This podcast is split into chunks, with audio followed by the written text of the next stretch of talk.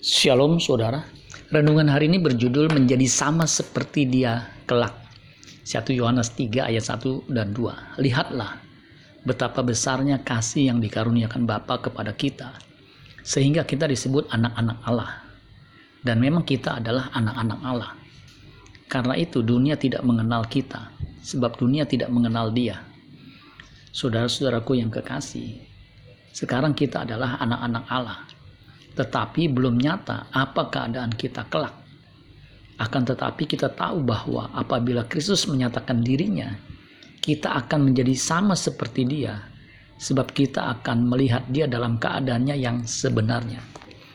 Terjemahan sederhana Indonesia kedua, 1 Yohanes 3 ayat 2 bunyinya seperti berikut. Saudara-saudara yang saya kasihi, sekarang kita sudah menjadi anak-anak Allah tetapi keadaan kita nanti belum jelas.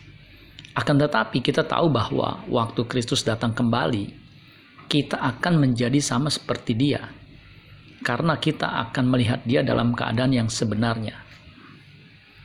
Waktu kita menerima Kristus sebagai Tuhan dan Juru Selamat, kita terhisap menjadi anak-anak Allah. Yohanes 1 ayat 2, 12. Status sebagai anak Allah harus diperjuangkan dengan tekun supaya benar-benar menjadi anak Allah dalam keberadaannya kelak.